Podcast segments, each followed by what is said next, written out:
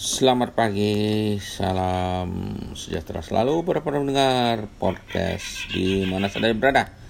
Pada pagi ini kita akan share beberapa manfaat olahraga pagi dengan menggunakan sepeda.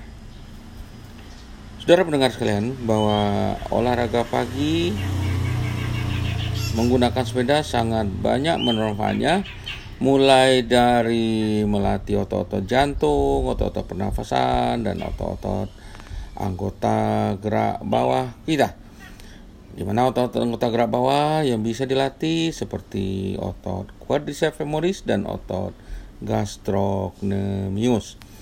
Kemudian samping itu kita juga selama bersepeda akan uh, terpapar oleh sinar uh, matahari yang mengandung ultraviolet di mana dia akan memberikan eh, manfaat bagi tubuh kita dalam merubah vitamin D3 yang ada di kulit untuk menjadi vitamin D dan sangat bermanfaat dalam ketahanan tulang kita sendiri.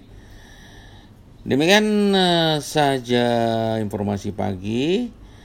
Ya, semoga menjadi manfaat bagi kita semua. Waalaikumsalam warahmatullahi wabarakatuh.